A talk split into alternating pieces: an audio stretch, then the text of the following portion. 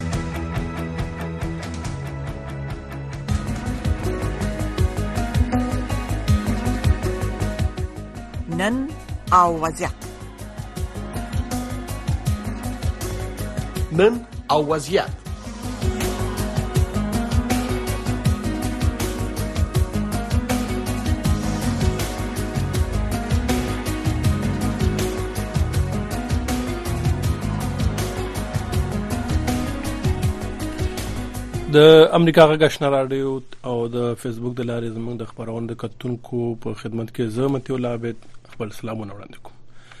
نن وضعیت خبرونه پیلو په پیل کې موږ د خپل خبريال اکرام شنوار یو ریپورت لرو ورسته بیا په یو بل موضوع د خپل ملما سره خبرې کوو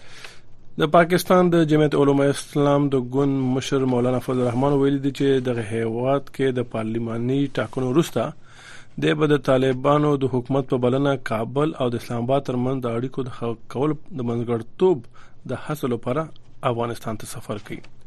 خو بل خو سیاسي چارو ځینې کارپوهان بیا وایي چې د مولانا فضل الرحمن لخوا د منځګړتوب حاصل ته دوی هیله من نه دي نور حال د اکرام شنواری په رپورت کې اورو د پاکستان د جمعیت علماء اسلام د ګلمشر مولانا فضل الرحمن د پنځشنبه په ورځ په اسلام آباد کې یو خبري کانفرنس ته د وینا پر مهال ویل چې په پاکستان کې د نوي 2023 میلادي کال د فبرवरी د میاشتې په اتمه د پارلماني ټاکنو وروسته به د طالبانو د حکومت په بلنه د کابل او اسلام آباد ترمنځ د اړیکو د خکېدو لپاره سفر وکړي مولانا فضل الرحمن ویل چې کابل ته د سفر بلنه ورته د طالبانو د حکومت لخوا ورکړل شوې او دی هم منلې خو دی به د روانو پارلماني ټاکنو وروسته کابل ته لاړ شي امارت اسلامي افغانستان نے مجھے باضابطہ دعوت دی ہے هغه ویل په افغانستان کې د اسلامي امارت مشرانو راته رسمي بلنه راکړې ده هغه په دوه اړخیزو اړیکو خبرې کول غواړي له ټاکنو وروسته به زموږ لومړی ترجیح د افغانستان سفر وي او د طالب مشرانو سره به لیدکاته کیږي ملاقات هوګي. مولانا فضل رحمان ویل چې د ده ګوند په پاکستان او افغانستان کې امن غواړي هغه ویل چې د دواړو هیوادو ترمنځ د اعتماد اړیکې جوړول او بیا هغه اړیکې پیاوړې کول باید د پاکستان د بهرنیو چارو د پالیسۍ برخه وګرځول شي پاکستان کا استحکام افغانستان کې ضرورت ہے او افغانستان کا استقلال یې پاکستان کې ضرورت د پاکستان ثبات د افغانستان ضرورت دی او د افغانستان استقلال د پاکستان ضرورت دی په اسلام آباد کې د افغانستان سفارت شارژ داپیر سردار احمد شکیب چې د طالبان لخوا ټاکل شوی د روانې میاشتې په شپاړسمه په اسلام آباد کې د پاکستان د جمعیت علما اسلام د ګوند مشر مولانا فضل الرحمن ته د طالبانو د حکومت لخوا د افغانستان د سفر بلنه ورکړې و د طالبانو د حکومت وایان زبی الله مجاهد ملي تلویزیون سره په مرکه کې ویلي چې مولانا فضل الرحمن ته د بلنې په واسطه غواړي چې دغه تبلیغاتو مخه ونیسي چې د خاغلی مجاهد پر وینا د طالبانو په خلاف ترسره کیږي او هم د پاکستان ولسته حقایق څرګند کړي د سیاسي چارو یو کارپو احمد سیدي وی چې د تحریک طالبان پاکستان ټي ټي پي ډله د مولانا فضل الرحمن د ګوند سره ښې اړیکې نه لري چې تا کار به د مولانا فضل الرحمن پراتونکو ماموریت هم اغیز ولري طالبان پاکستاني دومره چې په فوج باندې دښمنی لري د فضل الرحمن سره هم دښمنی لري فضل الرحمن چې سفر په افغانستان وکړي غنه کې خوست په دې وختو کې ومنه کوي بانه انتخابات ده تاثیر به هیڅ په نه لري دومره چې طالبان پاکستاني دشمن په فضلمان کې د پیسو کړي دي خو د ورف تاوت به کېږي نتیجه مطلق منفي دي خو د سیاسي چارو یو بل کارپو او د ای وی ټي خیبر د تلویزیون ژورنالیست حسن خان د مولانا فضل الرحمن سیاسي او د پاکستان په سیاست کې دغه رول ته په کتنې کابل ته دغه سفر ډیر مهم ګڼي او وایي چې هم د پاکستان پوز او هم ملکی حکومت او هم د طالبان حکومت د مولانا فضل الرحمن خبرو ته غوږ دي او خبري یاوري دغه شان زما خیال دا دی چې یاره طالب قیادت چې کوم دی کلک د هغوی نه هغه مونږ چې ته انګریزي کې وی هغه انا پرستی چې یاره سیره خبره دا غوي سره یو دا دغه چې امریکا له شکست ورکړي وی دنیا له شکست ورکړي دی نو داغه د وجه نه غوي لګ دا نور خواوشه دغه لګ دومره اهمیت نه ورکړي لکه تاسو ته پته ده چې افغانستان ته د نړیوال اسلامي دغه چې کوم دی مشران هم راغلي وو هغوی هم د دوی سره خبرې ترې خو دا تعلق چې کوم دی دا د مذهبي حوالې سره نه دی دا به د مولانا صاحب که دوی انګیج کوي نو دا په سیاسي اړخ یې انګیج کوي نو سیاسي اړخ مولانا صاحب د دې جوګه دی چې د طالب مشرانو سره هم خبرې کوي شي پاکستان سیاسي مشرانو سره نظامی مشرانو سره هم خبرې کوي شي نو زما خیال دا دی کچري سنجیدګۍ سره مولانا صاحب ته موقع ورکړي شي زما خیال دا دی چې هغه یو کردار ادا کوي شي د طالبانو حکومت کابل ته د مولانا فضل الرحمن سفر مهم ګڼلی خو د پاکستان د بهرنی چارو وزارت ویاندې میرمن ممتاز زهره بلوچ تیر اونۍ خبريالان سره په اسلام آباد کې په خبرو کې کابل ته دغه سفر شخصي سفر وبل او ورباندې د تبصرې څخه ډډه وکړه مولانا فضل الرحمن ته د کابل څخه د لیدنې دا بلنه په داسې حال کې ورکړل شوې چې پاکستان کې په وروستیو کې د نامنۍ پیښې زیاتې شوې او اسلام آباد په پرلپسې ډول د دغو پیښو شاته د طالبانو لاس لرلو ادعاوې کړې دي خو د طالبانو حکومت هم په پرلپسې ډول د پاکستان دغه تورونه رد کړي او د نورو هیوادو پر خلاف د افغانستان د خاورې د نه کارولو په اړه ډاډ څرګند کړی دی درنو درنکو تاسو زموږ د خبريال اکرام شنوار رپورت ورده چې کابل نه لګل اوس برا شو بیرته د نن وضعیت دویمه موضوع ته چې هغه د افغانستان د کرکټ بورډ او د افغانستان د کرکټ د ملي لوبغاړو ترمنځ د ورستیو مسلو او بیا غي د حل په اړه خبرې کوو د کرکټ نړیوال مبصر خغله احمد فرحات فدایي صاحب را سره ملمه دی فدایي صاحب خبرونه ته بخیر اغلی سلامونه جناب عابد لاله تاسو ته او تاسو ټول درنو اوریدونکو ته مننه فدایي صاحب خوشاله که خفه سخت پښتنه مو وکړه عابد لاله یو څه هدا خوشاله ځکه یم چې دا مشکلات په پیسو الحمدلله ټول لوبغاړي بیرته ملي لوبډلې ته راستون شول او فکر کوم چې ان شاء الله ترمنځ جوړ چړای وشو او ان شاء الله سیستم د بحر شي اول به د اردن کو ته یو دغه ورکو ځنې اردن کې خبر نه چې دا حسن فدایي سره پښتنه کوم چې خوشاله خپه د دې شخصیت سره قصه دا و چې د افغانستان کرکټ بورډ څلور ورځې وړاندې یو اعلامیه خبره کړه او په اعلامیه کې ویلو چې دوی د افغانستان د کرکټ د ملي ټیم درې لوبغاړو فضل حق فاروقي نوین الحق او مجيب الرحمن د ملي ټیم د یو کال قرارداد او په نړیوالو تجارتي لوبو کې د دوو کالو د ګډون هغه اجازه ورنه اخلي یعنی کې دوی ته اجازه نشته چې په دوه کالو پورې په خارجي لیګونو کې ولوبيږي او یو کال پورې افغانستان په ملي ټیم کې وجه دا خو درې و چې لغواړو دوی نه غوښتلی و چې نور دوی د غراتلونکو کال کې د افغانستان د ملي ټیم د غړیتوب یا قرارداد نه ځان وباسي د باندې دوی د خبرګون کې د فیصله وکړه ورسته درې ورځې نو پس بیا چې بیګا اعلان وشو چې د افغانستان کرکټ بورډ وایي چې دغه لوبغاړو مراجعه کړې ده او دوی هغه بیرته ورته اجازه ورکړ شوې ده چې په ملي ټیم کې ولوبيږي او په نړیوال تجارتي لیګونو کې د دوی لوبېدو خبره به ورسته معلومه شي وزدستي د افغانستان او د امارات ترمنځ لوب روانه ده دوه یاد لوبغاړي فضل الحق فاروقي او نوین الحق په دغه ټیم کې لوبيږي ف... مجيب الرحمن دا وخت د استرالیا په بیگ باش تجارتي لیګ کې لوبيږي تاسو خغل احمد فرحات ودای صاحب دغه ټول جریان ته څنګه ګورئ موږ مخکې هم په دې باندې خبرې وکړلې یو څو نور رسنۍ سره هغه هم دا ویلې چې کشف سي دا موضوع دومره رسنۍ ته څه ویل ولا او دومره رسنۍ او خاطر نه راوتلې او دا مشکلات ترمنځ د لوبغاړو او د ادارې حل شي ول ځکه چې موږ دې اشاره وکړل چې لوبغاړي او اداره دواړه یو بل لپاره لازم او ملزوم دي یعنی دواړه یو بل ته ضرورت لري یو د بل نه بغیر فکر نه کوم چې شتون ولري کچې ته اداره د دوی لپاره د زمينه برابرې دوی راوځي را څرګند شي او نړۍ وپېژني بیرته د دوی دغه ښه کارکردګي هم د کرکټ لوب کرکټ بورډ لپاره ښه نوم ګټلای دا او ښه لاس راوړنې درلوده په تیر بیا په تیر دی ورځنیو نړیوال جام په سیالیو کې افغانستان ضرور لوبي وګټلې هغه کې درې ډېر قوي او خصوصا دوه ډېر پیاوړي پاکستان او انګلستان لوبډله ماته کړه نو دا ټول راسته راوړنې چې ګوري سره خفاتي چې دا یو څنګه ولې را راپورته شو اوس کا خبره ده چې دغه مشکل حل شو دي دوی ترمنځ او په دې باندې خبرې ډېرې وشولې چې ګواکې څوک ملامت او څوک نه وو خو که دواړه خواوې سره وګوري د ادارې هم د حق جوړیږي چې باید د خپل لوبغاړو نه د هیلو کې شوی باید قرارداد امضا کړي ځکه چې قرارداد نه نو د څه پر بنسټ باندې بیا لوبغاړي راوغواړم او دوی ته هم تاسو راته یو کومې لوبو کې ولوبېږي ځکه چې اخوا ته بیا د نړۍ په کچه باندې تجارتي لیګونه لوبيږي او په دې تجارتي لیګونو کې افغان لوبغاړي خپل د ښه کارکړدګۍ پر مټ باندې په ډېر ښه قیمت باندې اخیستل کیږي او د غوړي لپاره یو د عاید ډېره ښه زمينه ده نو دا یو بیلانس رامنځته کول صحیح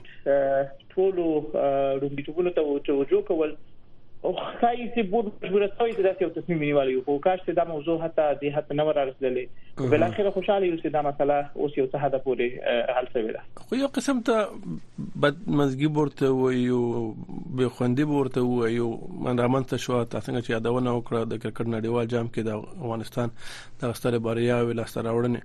خلکو کې یو ښه مورال پیدا کړو کرکټ یو نوم ځلیدل یو دام د یو دغه خبر د کال په اخر کې مونږ غوښتل چې تاسو نن د افغانستان د تیر کال په بریا باندې او په لاسته راوړنو خبرې کړو او لګیا یو ستو بندیز او د بندیز لری کېدو په مسله خبرې کوو چا باید څه کړی و چې د حالت نه راغلی ګوره د چې وګنه سه په کار دی دا مسله دی او تفاهم لاره حل ودی دوی ترمنځ خامخا د هر ادارې ترمنځ او لوبغاړو ترمنځ کې تل شي چې وړي ستونزې پیدا شي موږ نړۍ په کچه باندې ځلې چې کله کله اداره خپل لوبغاړو ته خفسوي د دی غوي ځانګړي قانون لوبغاړي نه دی غوي نه خپګان په دلای دا مثلا د ویسټ انډیز لوبه و د نړیوال جام لوبه یو لوبغاړی میدان ته وخت راونه د بيخي د سکواد نه لري یا مثلا کیون پیټرسن یو نړیوال لوبغاړی یو د انګلند لپاره ډیره ښه لوبه کوله د انګلند په بیټینګ کې ډیره غټه او مثبت اغیزه درلودله مګم تاسو دی هغه خپل ځانګړي ګو یا په داخل د ټیم کې ځانګړي کارونه د ادارې خوښ نه ول بيخي د ټیم دی باندې نو اداره هم د ډیسپلین او د مدیریت په برخه کې اړ ده د دې چې باید یو څه کارونه وکړي خو په ضمن کې بیا لوبغاړو ته هم باید ځانګړې پاملرنه او توجه وشي ځکه چې لوبغاړي دي چې تاسو دغه عزت راوړي او تاسو د نړۍ په کچه باندې ډېر لوبې ګټي اوس د موږ څنګه یې چې په نړیوال جام کې موږ پاکستان مات کړ انګلستان مو مات کړ سریلانکا مو مات کړ او څلور لوبې مو وګټلې حتی دا چې اوس موږ کې د سیمه پایلو په تلاره پیدا کړې ولا نو فکر کوم چې خبر دا ول چې دواړو خو ترمنځ یو تفاهم کړی هغه انګلیسي کې اصطلاح ده وای all is well that ends well نو هیله دا ده چې په خوشو خبر باندې دا مسله اوس پای ته رسیدلی ځکه چې د موږ تاسو اوس لګیا یو د امارات مقابل کې د افغانستان لوبډله ګورو چې هغه کې نوینو الحق مستا فضل حق فاروقي په کې دوه وکټ واخیستلې هغه په کې تلوبیږي او مجیب زدان څخه کوم چې د بیگ باش د مسولیتونو لوجه متي سیالي کوله څوانه د سیاسي خو ټول کې زه فکر کوم چې اوس نو رسول ان شاء الله حل ده خو دغه تاسو خو تجربه لرئ کرکټ بورډ سره مالته وخت هم تیر کړی دی او دلته نړیوال لوبو کې هم تاسو افغانستان په نمایي کې په بس سره په توګه کار کړی دی دغه فیصله د ډیسپلین د لپاره سمره تاسو موثره غنئ د لوبغاړو ته یو پیغام وو چې ملي مسولیتونه اول دي او مالی ګټې ورسته دي تاسو فکر کوئ د سره به یو ډیسپلین پیدا شي لوبغاړي باینده کې احتیاط کوي ګویا به لاله د دې مسلې په سره باندې موږ تاسو معلومه نه ده چې څه دلیل او څه داسې یو کار وشو کنه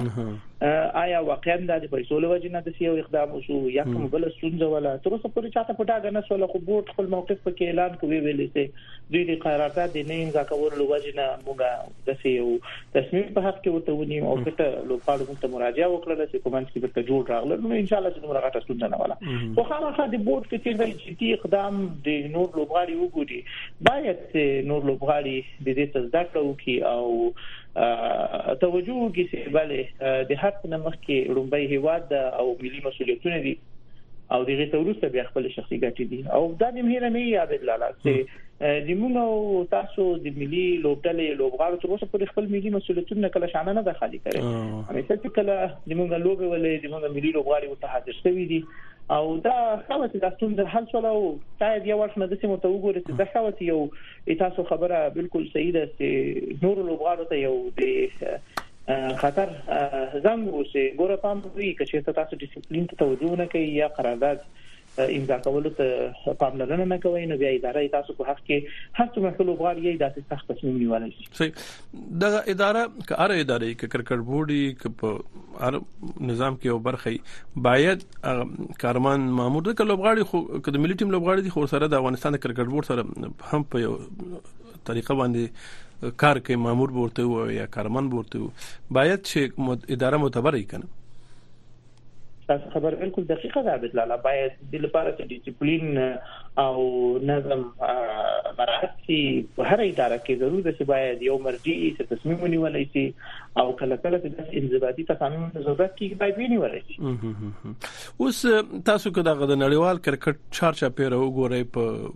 مختلف ملکونو کې هند کې آی پی ایل پاکستان کې پی ایس ایل بنگلاديش کې بي پی ایل سریلانکا کې دا اوس د ستی په استرالیا کې روان دي هر ملک تقریبا خپل یو لیګ لري او د افغانستان لوبغاړي د خپل کمال په وجه هر څو غواړي چې هغه سره ولوبيږي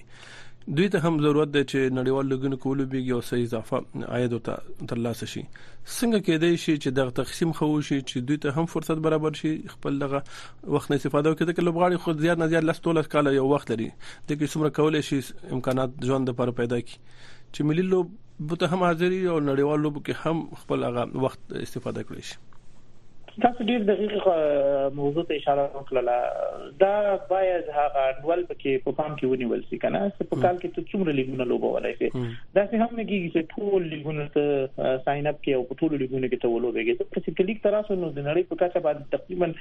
د کال په ټول کال کې مختلفو هیوادونو کې لیګونه لوبيږي تاسو نمونه واخیستل نو زه فکر کوم چې دا به ضروری د لوبغاړو لپاره چې ځانګړي لیګونو سره مرسته وکړي او یو څه د لیګونو چې د دوی لپاره بهتره د عاید زمينه برابرول شي او د دوی کارکردګي لا پکې پیاوړې کیږي هغه ته دوی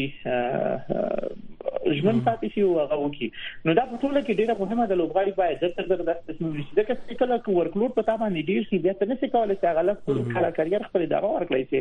یعنی تاسو ویل چې کله چې لاس بوله کاله یو کرکټر کرییر ولري کو چې ته په ځان باندې ورکلوډ زیات کې او مینج نه شي کړای کنه نو د برن اوټ لوجنه او د زیات فشار لوجنه هغه کرییر څلور کال تم راکم دي پنځو کالو ته راکمې دي شي چې بیا په ټوله کې د ملت لپاره یو غټه ځای ده صحیح تاسو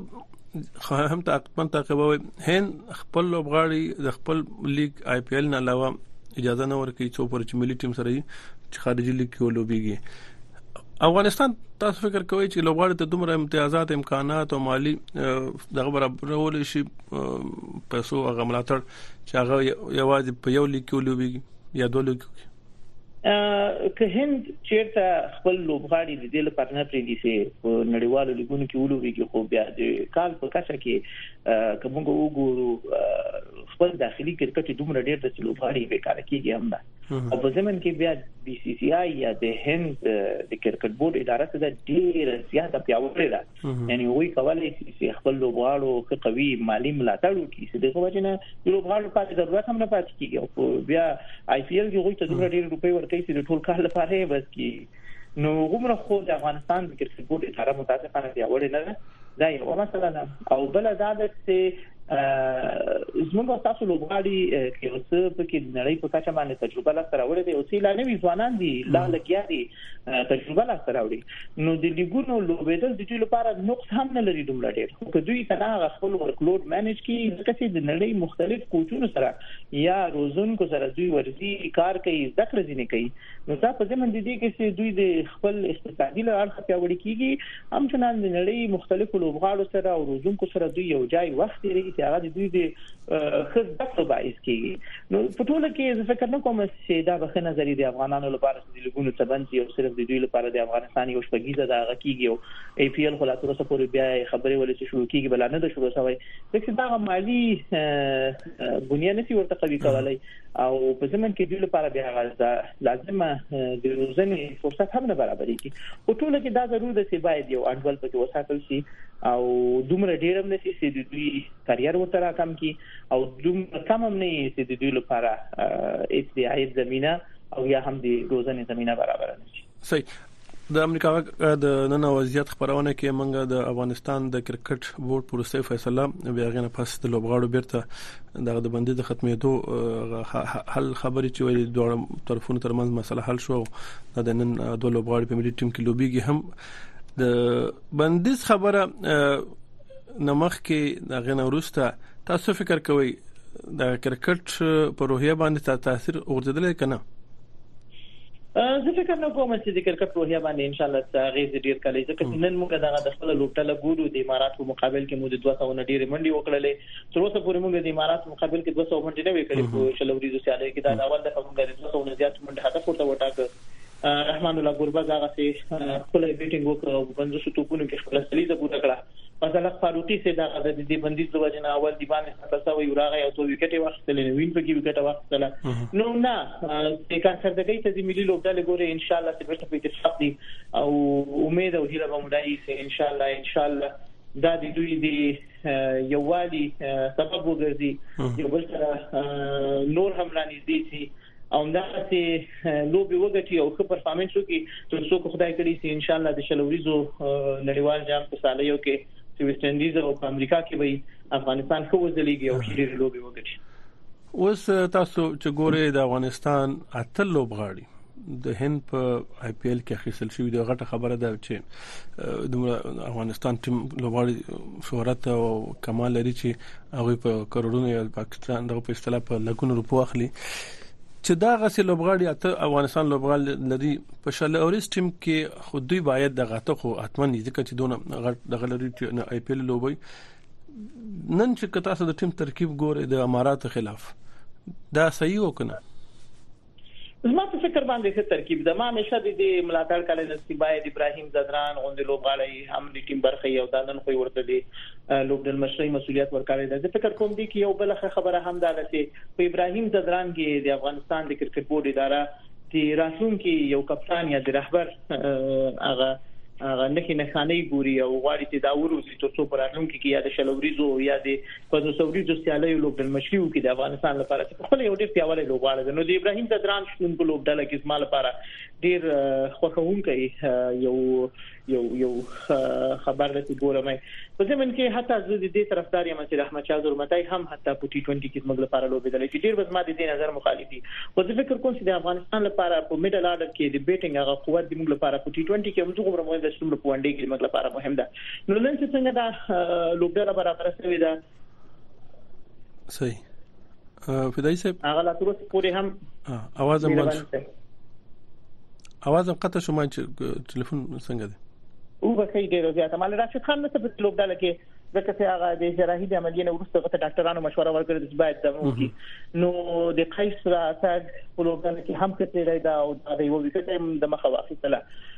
نو په ټولو کې زما په ان باندې ښه لوبډله ده چې نن انتخاب کړې مونږ چې ګورو چې کله دا ټیم اعلان شو بیګا نا وخت یو خو دغه د ځنډ خبر خیر دی چې څه وجه به د مصالحه روانه او لوبغاړي قانع کړي شو کرکټ بورډ هم نرمخت خو د یو بیرته سره یو تفاهم ته ورسېدل او ټیم کې راغل د حضرت الله عزیز کریم جنت همدا شانته د فرید ملک د د پښ د دې پراتګ باندې خلک زیاتره خوخ نه ښکاري تاسو فکر کوئ چې دوی باید وای کنه حضرت الله زازی په دغه ټی ټن لیګ کې یو څه خپل د فارم نخې نخانه وخت حضرت الله زازی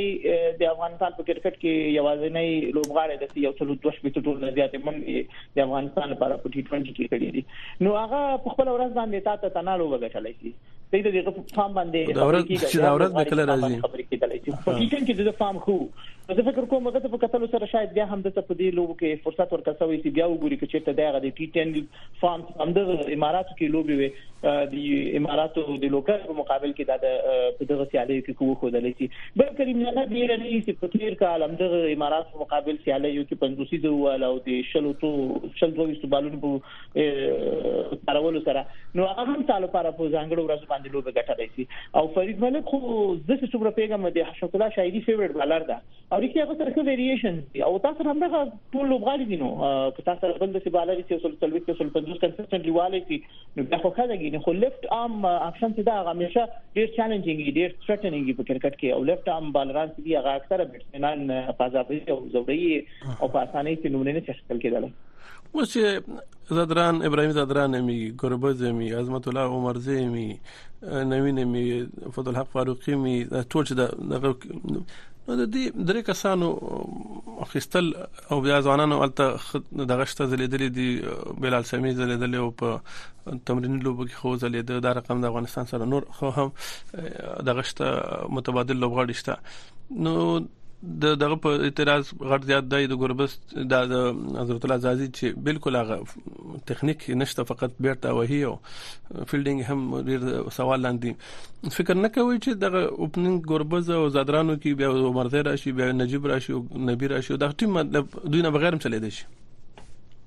د کرکټ شلوري سیالیو کې د غاول شپږ ور ډیر زیات مهم وي او کوشش به هر ټیم هم دغه شپږو اول ورونو کې زیات نه زیات منډي وکي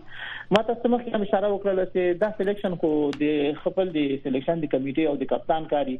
دا تصمیم نیسي خلک کولای شي چې مثلا مختلفو اپشنونو باندې خبرې وکړي ابراهیم او رحمان الله ګربت په یو ورځنۍ سیالي کې خپل سیالي خودلې دي چې څنګه یو ځای پارټنرشپ کې نن هم یو سل و درس نمبر پارټنرشپ کو د دویم وکټ لپاره دی ودرېدل نو د دوی ترمنځ انډرستانډینګ ډیر قوي ډیر ښه رننګ بټوین د وکټ کوي خو بیا هم درته وایم چې حضرت الله زازای کچیر ته پام کی هغه هم یو ډیر خطرناک بیټسمن دی یعنی تنا دا نه ده کله کله کرکټ کې دا ان ارتوداکس هم کیږي لکه ارتوداکس دا کنه چې ته وایې چې بس هر څه د بس په صحیح ټیکنیک یو کدي یو بالکل دی اوسې نتیجه دی ورکړي کله کله ان ارتوداکس پلیئرز ډیر غټ غټ مایلستونز یا لاسته راوړنې لري نو اوس به وګورو چې دا سیالي څنګه کیږي او د دې سیالي په پای کې بیا هم عزت الله زادي ته فرصت ورکول کیږي کنه ورکول کیږي او څومره چې ما ولید په ټي ټن سیالي کې د هغه فوت موومېنټ خساو یو او سټرایک ریټ ډیر خو زبردست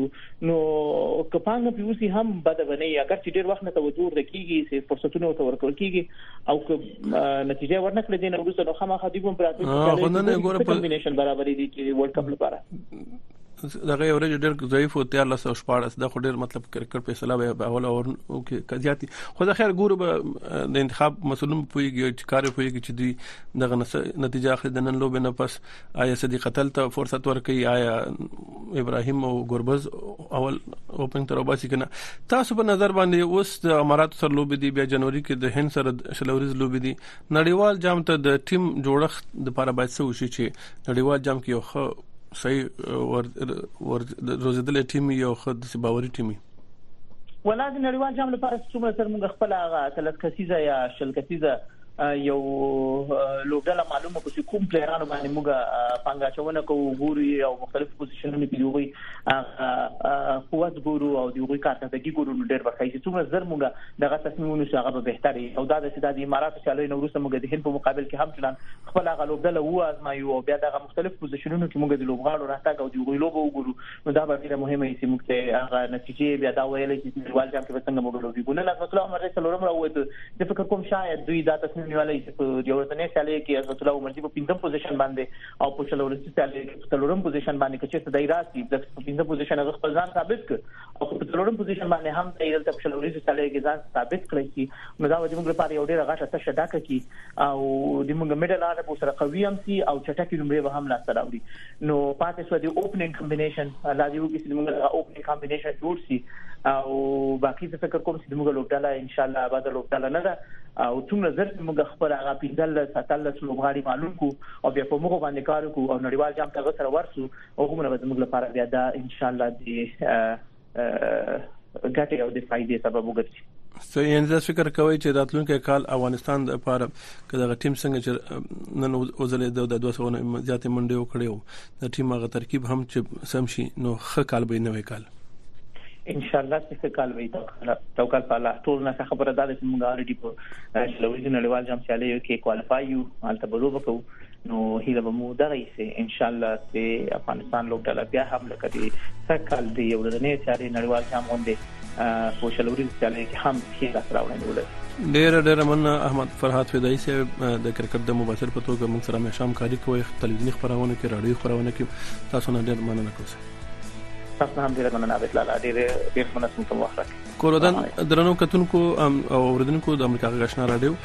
د نن وضعیت خبرونه په دې ځای پای ته رسیدي د نفس تاسو غږ خبرونه شروع کیدل کې د زمنګ دوا همکاران چې تاسو د جمعې پر غږ اوري فرخنده پیمانی او احمد الله ارچوال صاحب هغه سټوډیو ته رانږدې شوې دي زه به اجازه وغواړم تاسو د خبرونه ته منتظر اوسئ خیر ده خیر شپه